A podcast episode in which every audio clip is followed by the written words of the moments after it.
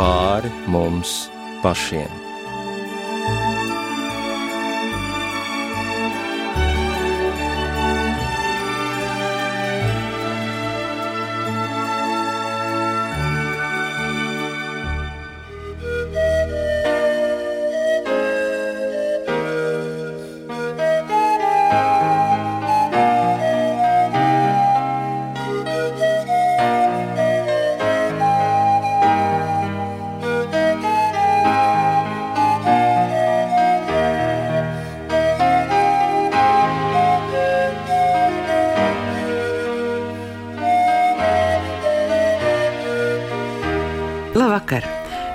Raidījums pāri mums pašiem.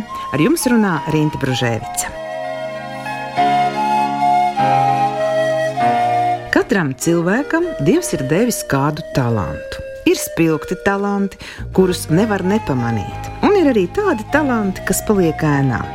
Nu, tā jau tas dzīvē notiek, ka cilvēki vispirms sajūsminās par ziedu, bet bez saknēm un lapām nebūtu tā zieda. Ar dažādām spējām mēs viens otram esam vajadzīgi. Bet kā zināt, kāds talants cilvēkam ir dots?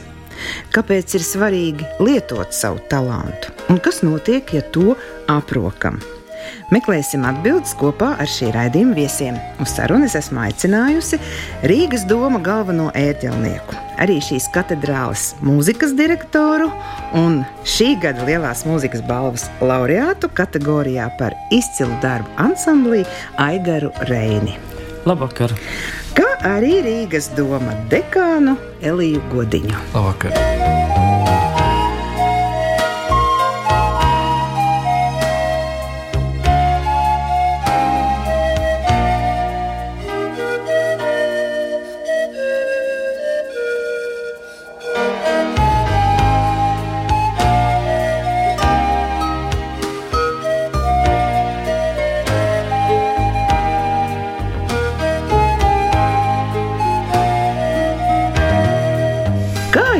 Raksturotu talantu, lai mums būtu skaidrs, par ko mēs runājam? Ko tad mēs ar to saprotam? Es domāju, ka šādas sarunas kontekstā talants ir spēja, kur ir iespējams izkopt. Jo ir jau saprotams, ka, lai kādu no talantiem, kādu no spējām lietotu, viņu ir jāattīsta un jāizkopj. Un tas ir tas, ko mēs meklējam. Un tās var būt ļoti, ļoti dažādas lietas. Mūzikāls talants, tie var būt praktisks dzīves talanti, tas var būt kāds īpašs talants, veidojot vai palīdzot cilvēkiem pie attiecību veidošanas, cilvēku vadīšanas talanti. Tepat ir ļoti grūti nosaukt kaut kādus talantu grupas. Tie var būt dažne dažādākie. Vai, piemēram, raugoties uz uh, mācītāju darbu, var teikt, ka viņš realizē savu talantu? Tas jau nebūtu slikti, ja tas būtu saistīts arī ar kādu talantu. Es domāju, ka jā, bibliskā izpratnē pilnīgi noteikti tās ir dāvanas, ko Dievs ir devis kāda aicinājuma piepildīšanai. Dievs dod tādas dāvanas, kuras ir atbilstošas un nepieciešamas aicinājuma piepildīšanai. Un šajā nozīmē atrast savu talantu vai meklēt viņu, tas var būt arī viena no tādām vadlīnijām vai viens no palīga lietām, lai es atrastu arī savu aicinājumu. Aigar, kā jūs raksturotu talantu? Jā, nu nekādas definīcijas es nosaukt noteikti nevaru. Es jau varu tikai tā varbūt no personīgas pieredzes un tā domājot par šo. Nu, godīgi sakot, jāsaka, skaļo vārdu talants, ko tad mēs skandinām, tie talanti, ceļšķi, ka balvas pasniedz un tā tālāk. Te gribās padomāt par to sākotnējo, jo droši vien, ka tas ir kaut kas, kas tev sanāk labāk. Nu, ja no tāda attīstības sākotnē viedokļa, jā, tā liekas, ka tas ir labāk, un tas ir jautājums, kā Elīze teica, arī kā mēs viņu attīstām. Droši vien pirmā brīdī Tas varbūt vēl varbūt nav definējams kā tāds izcils talants, ka man tur kaut kas sanāk mazliet labāk. Ja? Tas talants jau rodas viņu attīstot, un tie talanti, par ko mēs šobrīd runājam studijā, vai skaļāk, vai presē, kāds raksta, tie jau ir no nu, tādi nobrieduši talanti un attīstījušies jau līdz tādai pakāpei, ka viņi jau ir kaut kādā ziņā varbūt izceļās vairāk un, un pāri kādām citām lietām. Visa pamatā ir arī droši vien, ka Mocards, jā, ģēnijs, atzīts ģēnijs, bet mēs jau zinām, ka visa bērnība viņam pagāja sūri, smagi strādājot. Jā, jā, dien dienā dzīvojot ar šo savu, protams, vecāku arī mudināts un varbūt piespiests viņš tur jā, darbojās, jā, bet arī tā, tā ģeniāli cilvēki arī ir spiesti ļoti, ļoti rūpēties un attīstīties, ielikt ļoti daudz darba, lai tas tiešām beigās būtu, to mēs varētu saukt, ka tas tiešām ir izcils talants. Bet kā to atklāt, kas tev sanāk vislabāk? Grūti atklāt ir neko nedarot. Labākais veids noteikti ir, ir mēģināt un kādreiz pamēģināt vienu, citu. Un tad ir iespējams ieraudzīt lietas, kuras sanāk labāk, kuras nesanāk tik labi. Uh, varbūt pamanīt to arī iekšēji, uz ko ir tāda vairāk vilkme, ko gribās. Lai gan lietas, kurās ir talants, kā Aigars tikko pieminēja Mocartu, Nu, Mocartam bērnībā iespējams tur tā dikti nemaz nevilka. Tur bija vairāk tas vecāku nopelns, ka tur vecāki ieraudzīja to talantu un palīdzēja pie šī talanta palikt. Manuprāt, ir kādreiz cilvēkam vienkāršāk atrast to, kas ir viņa talants, un citreiz vienkāršāk ir atrast to, kas ir viņa aicinājums. Ņemot vērā to, ka šīs lietas ir savā starpā saistītas, tad varētu teikt tā, ka tas ir kaut kas tāds, ka divi ceļi, kā iet uz vienu to pašu virzienu. Un kādreiz vieglāk ir atrast, kas varētu būt mans aicinājums, kādreiz vieglāk atrast to, kas man labāk sanāk. Jo, lai no tā, kas man vienkārši sanāk, labi, lai no tā kaut ko varētu izveidot, no tā kaut kas izveidotos, tad uh, ir vajadzīgs darbs, un ir vajadzīgs arī tas, ka tam ir kaut kāda liederība, ka to kāds arī novērtē. Līdz ar to ir nozīmīgi, kā cilvēki raugās un kādu pienesumu caur to es varu pienest. Jo varbūt kādam, piemēram, ir lielisks talants uz slinkošanu. Bet tas laikam nebūs tas izkopjamais. Jā, tā ir spēja, ko nevajadzētu izkopt. Es domāju, cilvēkiem ir daudz tādas spējas, kuras nevajadzētu izkopt. Jā, tu pieminēji aicinājumu. Vai vispār aicinājumu mēs varam uztvert bez iepazīšanas, kas ir Dievs? Tādā dziļākā veidā droši vien būtu jāatbild, ka nē, bet es domāju, ka ir ļoti daudz cilvēku, kas ir atraduši savu aicinājumu, bet nav atraduši dievu. Tādā nozīmē, ka cilvēkiem būtu izveidojušās kādas personīgas un dziļas attiecības ar dievu. Taču tomēr, tad, kad ar šādiem cilvēkiem mēs parunājam par aicinājumu, par viņa talantiem, par to, kas ir viņa dzīves piepildījums, tad uh, kāda dievišķa dzirks tur vienmēr parādās. Un mēs varam nojaust, ka tur ir kaut kas vairāk klāt kā tikai cilvēks pats, kā tikai cilvēka dzīves tāda ikdienība. Tajā nozīmē arī šāds cilvēks ir iepazinis kaut ko. Nu, ja mēs nevaram teikt tādu personisku dievu, tad kaut ko dievišķu viņš savā dzīvē noteikti ir iepazinis. Tas ir lielākais, augstākais no tiem dzīves apvāršņiem, ko cilvēks šajā brīdī redz. Un es jau trešo reizi pieminēšu Mocartu mūsu sarunā, jo runājam par viņa bērnību, ka viņam nemaz tā vilkme nebija spēlēt. Aigar, kā tad bija ar jums? Vai jums tā vilkme bija, vai tomēr vecāki palīdzēja? Jā, mani vecāki nav muziķi, viņi noteikti nepalīdzēja. Droši vien, ka viņi, ne, viņi palīdzēja tajā ziņā, atbalstot, protams, bet uh, varbūt tajā brīdī, kad man tas ceļš nosvērās par labu muzikai, beidzot tāda pamatskola, man šķiet, ka tur ļoti daudz pedagoģu bija vīri vīlušies. Man tur pamatskolā skolotāji vispār brīnījās, ko tad man tur valodas tur un kas tur labi sanāk. Matemātika gaiša galva un ko viņš tur darīs tajā muzikā. Māma droši vien nekā neteica, nekā neteica, bet es domāju, ka viņai arī bija šoks par šo izvēli.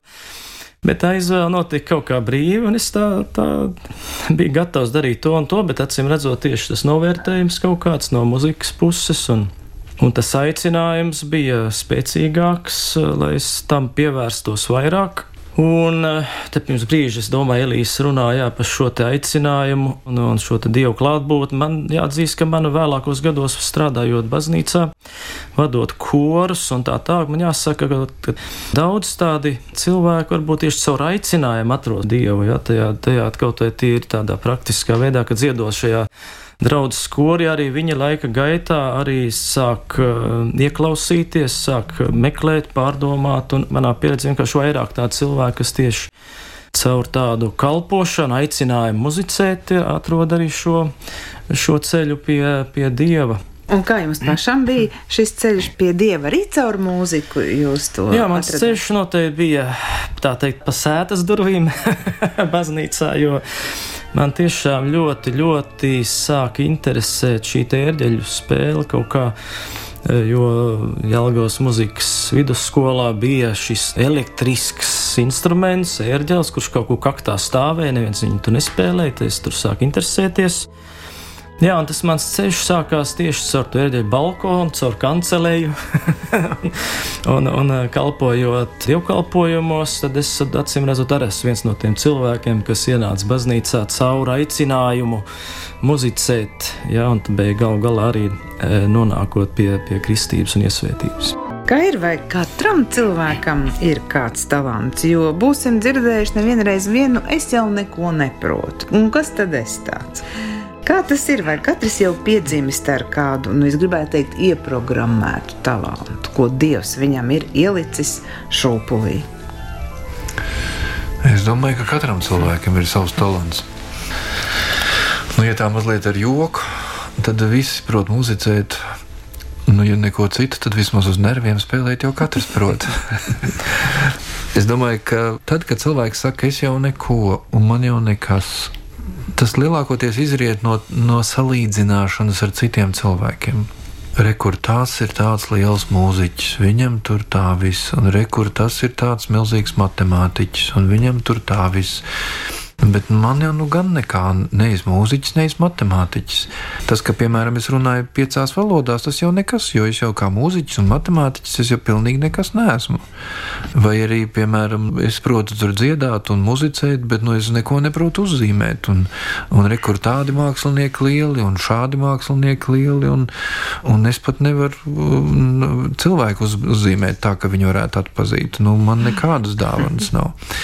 Vajag uzmanīgi, manuprāt, vērot to, kas tad ir manas dāvanas, jo viņas tiešām var būt visdažādākajās dzīves jomās. Ir visdažādāk. Līdzīgi kā mēs raugāmies mūsu sabiedrības dzīvē, ir vajadzīgas visdažādākās profesijas, visdažādākie pienesumi. Un, ja mēs runājam par baznīcu, tad uh, tur ļoti konkrēti un ļoti skaidri uh, Bībele runā par baznīcu kā par Kristus miesu un mums par dažādiem locekļiem. Un nevajag iztēloties, ka visiem ir jābūt acīm vai ausīm vai degunam. Pilnīgi visas lietas ir nepieciešamas. Un pamanīt to, kas man izdodas. Nu, kaut vai, ja man, piemēram, Es redzu, ka divi cilvēki savā starpā nevar saprasties, un man izdodas palīdzēt viņiem atrast kopīgu valodu. Ļoti vajadzīga dāvana šodien. Par to nedod nekādas lielas balvas, bet uh, ir ļoti vajadzīga dāvana. Cilvēkam var būt vēl daudz arī citas savādākas dāvanas. Piemēram, nu, mēs lietojam ikdienas priekšmetus, kas ir kaut kādā veidā radīti. Tādas dāvanas ir vajadzīgas mēs novērtējam parasti to, kas ir gatavs. Bet tad, kad mēs meklējam, kādas dāvanas mums ir pašiem, tad mums jārēķinās, ka mums ir jāpamana tas, kas vēl ir aizmetnī. Un ir īpaši tad, ja dzīves laikā es neesmu varējis pamanīt, ka man būtu kāda izkopta dāvana, tad arī neatkarīgi no gadiem un vecuma man būtu joprojām jāraugās uz, uz lietām, kuras varbūt ir aizmetnī. Ja, piemēram, kā es varētu atpazīt to, tā detalizētāk runājot, piemēram, ka man būtu lūkšana dāvana. Ja es nekad īpaši neesmu Dieva lūdzis, nu, tad es nevaru zināt, vai man tāda lūkšana dāvana ir vai nav vai varbūt vēl kāda cita tieši specifiska kalpošanas dāvana baznīcā.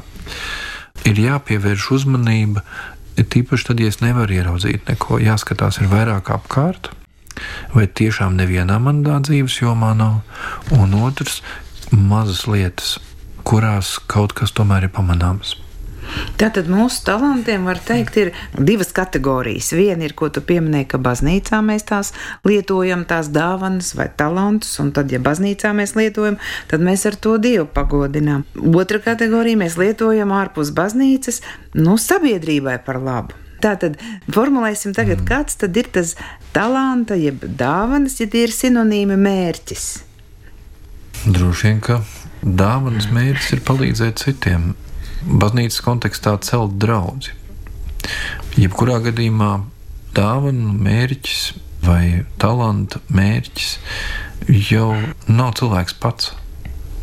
Egar, ko jūs par to varētu teikt? Kāds tad ir? Jā, šīs dāvanas ir tāds virzītājs, mūsu virzītājs kaut kur, kaut kur nokļūt kaut kur uz priekšu, viss jau pasaulē attīstās un attīstāmies mēs, un, un tā dāvana varbūt ir tāds viens no dzinēju spēkiem, jo tā dāvana, talants tā ir arī tāda tā kā gribēšana tomēr kaut ko darīt, nevis nedarīt. Ne? Tā tas ir tāda, tāda interese par to lietu, kas man sanāk un ko es varu dāvāt citiem. Tomēr tā dāvināšana arī ir brīnišķīga, ja? tas, ar ko mēs paši uzlādējamies, ka mēs dāvinām savu talantu dievkalpojumā kaut ko tik labi nospēlējot. Kad ja mēs dāvinām citiem savu talantu, vai ne? Ko es ar savu talantu darīšu? viens pats mājās sēdēšu, nu, ko es ar viņu iesākšu? es jau varu priecāties viens pats, jā, bet, protams, tā ir šī dāvināšana citiem, jā, un arī tad, līdz ar to tie augļi nāk arī man apakaļ. Un tiešām tas tā radīts, ka ir vēlme, lai citi priecājas. Tādā labā nozīmē, ja jau mēs lepojamies vai lielāmies, kas arī gadās gadās, protams, ja cilvēki vien esam. Bet man liekas, tas pats labākais stāvoklis ir, ja mēs tiešām varam priecāties gan par savu talantu, gan īpaši arī par otra talantu.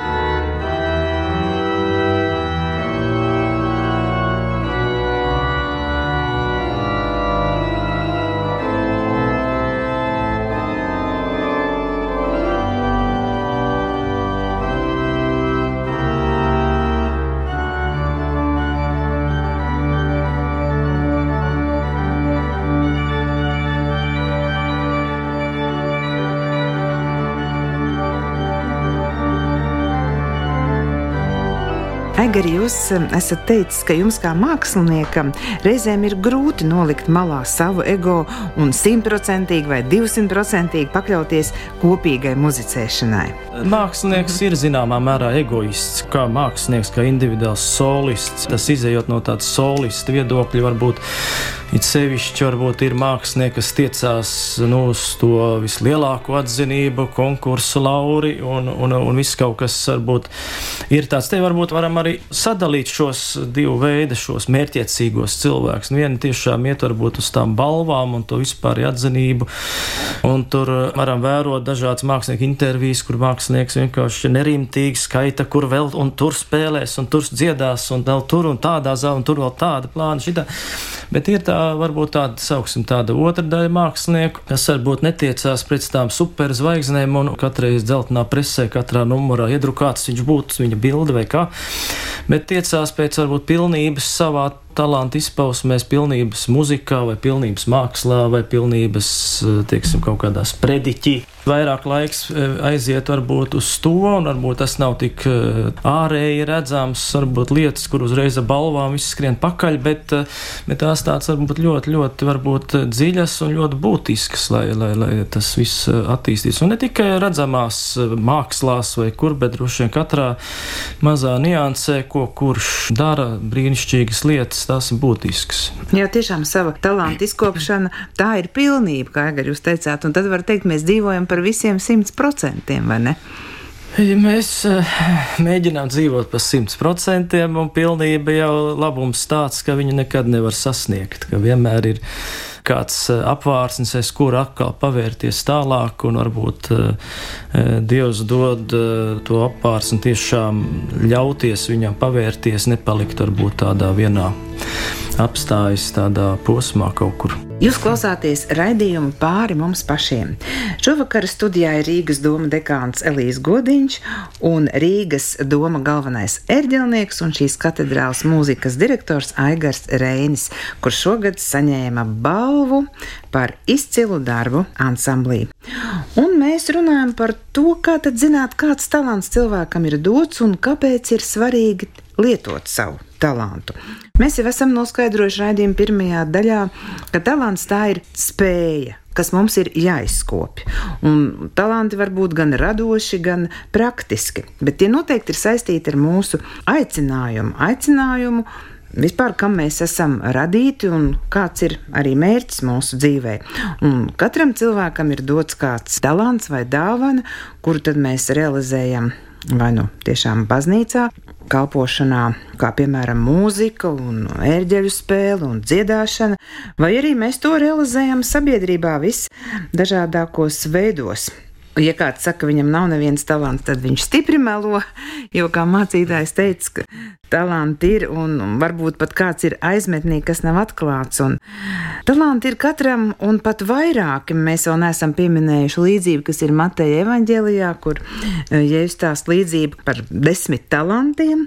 To jūs varat izlasīt Mateja evaņģēlijā 25. nodaļā. Un es no tās secinu, ka cilvēks var attīstīt savas spējas līmenī no 1 līdz 10. Teiksim, ja, jo kādam ir dots viens talants, kādam ir desmit.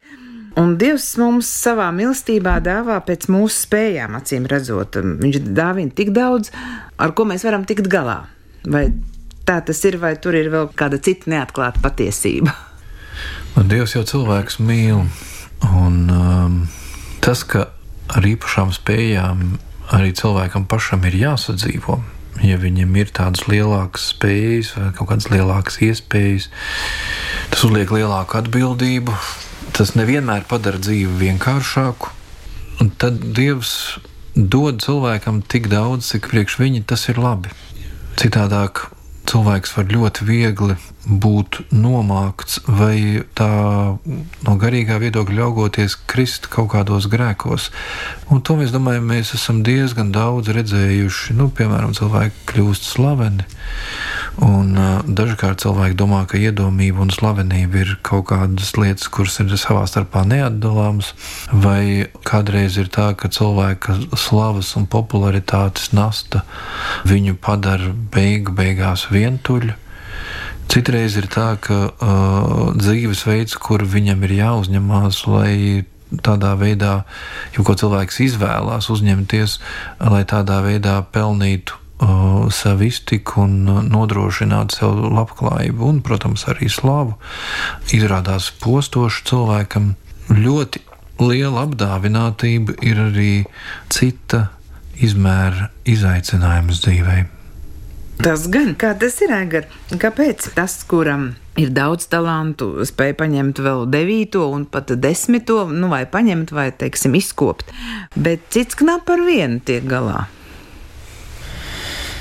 Jā, nu, klausoties Elija vārdus, eh, man eh, nākās secināt, jā, ka viegli dzīvot tādā ko, savā kompānijā, kur mēs visi esam līdzīgi un saprotamies un ērti un ļoti labi, bet ja tik līdz acīm redzot tur kaut kādu savu, kaut kādu individuālu šo talantu, sauksim, vai, vai kaut kā izkopu, nu, tu, tomēr daļai paliec eh, tāds vientulīgāks, ja, un ar to tev jātiek galā, un jo vairāk šie talanti doti, jo vairāk droši vien, ka tu paliec. Nevis tāpēc, ka tu būtu kaut kāds iedomīgs vai kā, bet vienkārši, nu, tu vairs neesi varbūt tādā savu kaut kādu, nu, es nezinu, tagad tā, kā lai izsakās tādā savu draugu kaut kādā tu līmenī. Tā līmenī tu esi kaut kur droši vien tā pacēlies, ko mēs vienkārši nes, nerunājam par sevi, bet varbūt vienkārši redzam arī pasaulē. Nu, ir tā, ka daudzi lielie mākslinieki, viņi patiesībā jūtas vientuļi. Tāpat turpina radīt izcilas lietas, ja, bet ir tā, ka laikam tas sloks tiešām tā, tā nav, ka tur tu tiec zenītā. Un tagad es pirmais, ko es vienmēr skatoties ar uz mūsu mūsu tieši muzikas izcilībām, kas braukā pa pasauli. Tā es domāju par to, ka nezinu, vai es tā varētu izturēt to slodzi, ko nes šie izcilie cilvēki. Un ne tikai koncertu daudzuma ziņā, ne tikai tas viss ir daudz eh, emocionālā. Tādā pārpilnības kaut kādā šī te, ar ko cilvēkam jātiek galā. Un, eh, jā, tā kā tas tā droši vien ir tā tā teikt, slavas, vai, vai tas nasta, vai tāda tā kā nasta, skaista nasta, bet te ir tas jautājums, kas ir tas, ar ko es bagātinos blakus šim savam izcilajam talantam, ja, vai es tikai, tikai visu atdodu šim vienam. Jā, nu, te droši vien tāpēc ir vērts pievērsties lūkšanai, ja, dievam, meditācijai kaut kādai. Jā, visi šie lielie talanti laikam meklē būt kādu brīdi ar sevi. Jā, ja mēs paskatāmies, kad kādreiz ar, ar kādiem pašdarbības koriem nācies sadarboties, kad varbūt tie dziedātāji ir prieku metās tur, kādu ballīti saviesī kā. Bet man, piemēram, gribās bieži vien palikt eh, vienam, sakopoties, atkal, lai varētu nu, darboties tālāk. Un es domāju, ka arī mācītājiem var būt līdzīgas izjūtas, jo tu esi visu laiku uzmanības eh, centrā, un tev ir uzmanība par daudziem cilvēkiem, ja, un rūpe. Un tas pats vai ne, nav tāda vientulība? Kaut kāda vientulība ir. Es domāju, ka tas. Uh izkopjot, vai teiksim, varbūt pat tas ir pie zināmiem aicinājumiem vai zināmiem talantiem, kas ir saistīts, protams, ar to. Tas ir vairāk, un pie citas tas ir mazāk, bet tajā vietā, kur kaut kas tiek izkopts vairāk, tā kā Eigars sacīja, skaidrs, ka tur parādās tā vientulība, jo tu neesi vairs uz uh, automaģistrāles. Tu esi tagad nogriezies uz kādu individuālu ceļu tu ej pa savu taku un tikai pa savu taku. Un, lai to ceļu varētu turpināt, Un uh, it īpaši es domāju, ka tas attiecās uz uh, izpildītāju mākslām. Es pieņemu, ka arī māksliniekiem ir līdzīgi. Lai tu varētu iet savu ceļu, un lai tu varētu būt tik unikāls un to savu talantu arī dot citiem cilvēkiem, un ka viņi par to var priecāties, tas gandrīz vai pieprasa vientulību to, ka cilvēks sevi pietiekoši labi zina, sevī var atrast tos avotus, no kurienes nāk kaut kas, kas ir kaut kā vērts, un atpazīt arī tos avotus, no kurienes nāk tas, kas nav nekā vērts. Neko citu jau cilvēks nevar izmantot radošajā procesā, kā tikai pats sevi. Un līdz ar to, tad, kad mūziķis muzicē, nu viņš jau ir tāds diezgan kails. Viņš sevi parāda. Jo cauri visu mūziku, piemēram, nu, ko citu viņš var parādīt. Viņš var to izdarīt cauri skaņdarbu. Komponistu, jā, to ērģelis var parādīt, aigars vēlējot, bet visās šajās radošajās lietās ir uh, tā cilvēka personība. Ir uh, no vienas puses tas fascinācijas avots, No otras puses, tas arī ir tas resurss, kurš nu, vai nu ir vienāds vai citāds. Un tas ir ļoti vientuļš ceļš. Nu jā, kam daudz uzticēts, jā, tam ceļš nav viegls. Un vēl parunāsim par aprakto talantu, jo līdzībā, kur jau pieminēja, tur bija viens cilvēks, kas savu talantu, ko viņam iedeva saimnieks, paņēma un apraka. Un tad gaidīja, kad atnāks atpakaļ tas saimnieks, lai viņam to apraktu atkal, laikam izraktu un atdotu. Mm. Nu, vai tas nozīmē pazaudēt talantu, ja mēs to aprokam? Aprokam, es saprotu, nelietojami. Nu, jā, tā pavisam pazaudēt jau tas nav. Bet uh, tas ir, es teiktu, nekādu īpašu ne prieku, ne labumu no tā gūstu. Nu, ja cilvēkam ir, nu, piemēram, ja mēs satiktu Aigaru pirms daudziem gadiem, viņam padodas, teiksim, klavieru spēle. Es pieņemu, ka tas apmēram tā bija. Un, uh, ja tajā brīdī tas talants tiktu aprakts, Varbūt, ka arī šodien satiekot, viņš spētu kādu klavieru gabaliņu mums nospēlēt. Bet nebūtu nekā. Kādā līmenī? ne, protams, kādā līmenī, eh, jo tas līmenis jau, nu, līmenis ir viens, kā tu salīdzinies ar citiem. Bet nebūtu tā attīstības, izaugsmas prieka, nebūtu tā gandarījuma. Ir vesela virkne lietām, kuras tad uzreiz tiek ierobežotas. Vai šis viss nenotiks? Nebūs tā visa. Par to, kādas īstenībā dzīvē ir, to droši vien Eigars var izstāstīt labāk nekā es. Visi jau ir dzirdējuši kā ar tām klavierēm.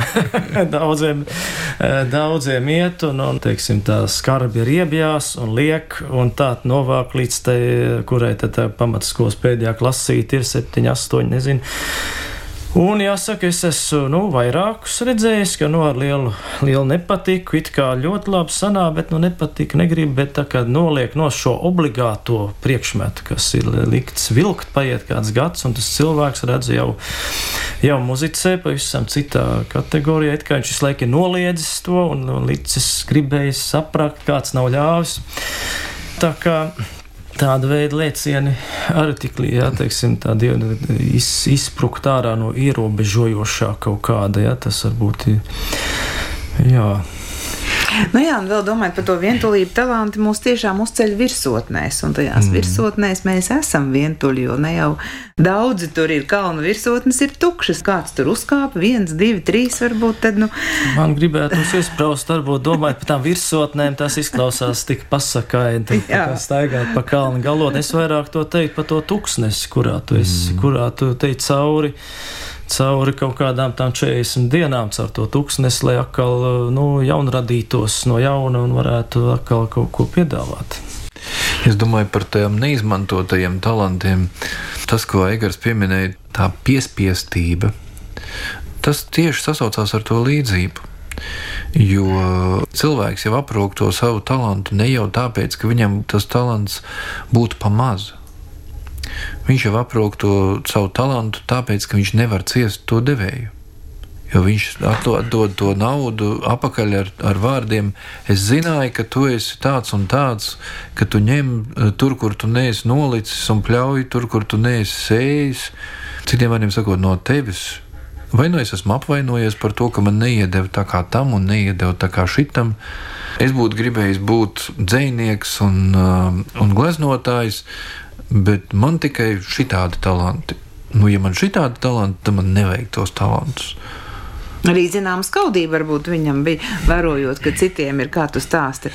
Nu, protams, nu, ka kaut kāda skaudība vai aizvainojums, un tas ir tas, kas arī šodien cilvēkiem traucē atklāt savu potenciālu ka viņi nevis paskatās, jā, nu te kaut kas ir, no šī varētu kaut kas manā dzīvē sanākt, manā dzīvē te no šī var, varētu kaut kas uzplaukt un izveidoties, bet viņi skatās, hmm, tas ir uz pusi mazāk nekā tam, un tas nav tā kā tam, tas nozīmē, ka man nekā nav. Un tad var aprakt to savu talantu, un, un ko nozīmē dzīvot ar apraktu talantu? Tas praktiski nozīmē uh, dzīvot dzīvi bez gandarījuma Tas nozīmē dzīvot tādu dzīvi, kurā es varu tikai noskaidrot visu to, kas manā dzīvē nav. Un es nespēju pat pacelt galvu un ieraudzīt to, kas manā dzīvē ir. Un nobeigumā kāda tad ir vērtība tam, kas izriet no uh, mana talanta? Rezumējot visu, ko esam runājuši, kāda ir tā vērtība? Nu, pats talants jau nē. Nu, ja runa par garīgo dzīvi, tad varētu sacīt apmēram tā, ka vērtība ir tajā, ka caur savu talantu es ļauju kaut kam lielākam par mani notikt. Jo talants nav tikai uh, es, es, es. Talants ir kaut kas drusku vairāk. Savukārt tā visa talanta vērtība kopā droši vien ir saistīta ar cilvēka dzīves vērtību, ar piepildītas dzīves vērtību. Jātiekties pēc pilnības, vai ne? Agar, kā jūs domājat, kur tā vērtība slēpjas tam tavam? Tam? Nu, es atgriezīšos pie, pie tā teikuma par tām dāvanām, jā, kad laikam jau tas ir.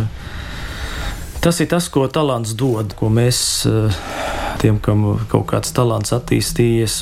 Mēs nevaram viņu paturēt sev, nu, tā ir tā laime dot. Droši vien no tādiem māksliniekiem, kā ilgstoši nav koncerti, droši vien pat grūti dzīvot, neko nedodot kādu laiku. Ja, ir, ir, ir tas, ka mēs esam radīti, lai, lai dāvātu, lai dotu, un, un cerībā uz to, ka tas kaut kā dara pasauli labāku ar to, ko mēs darām.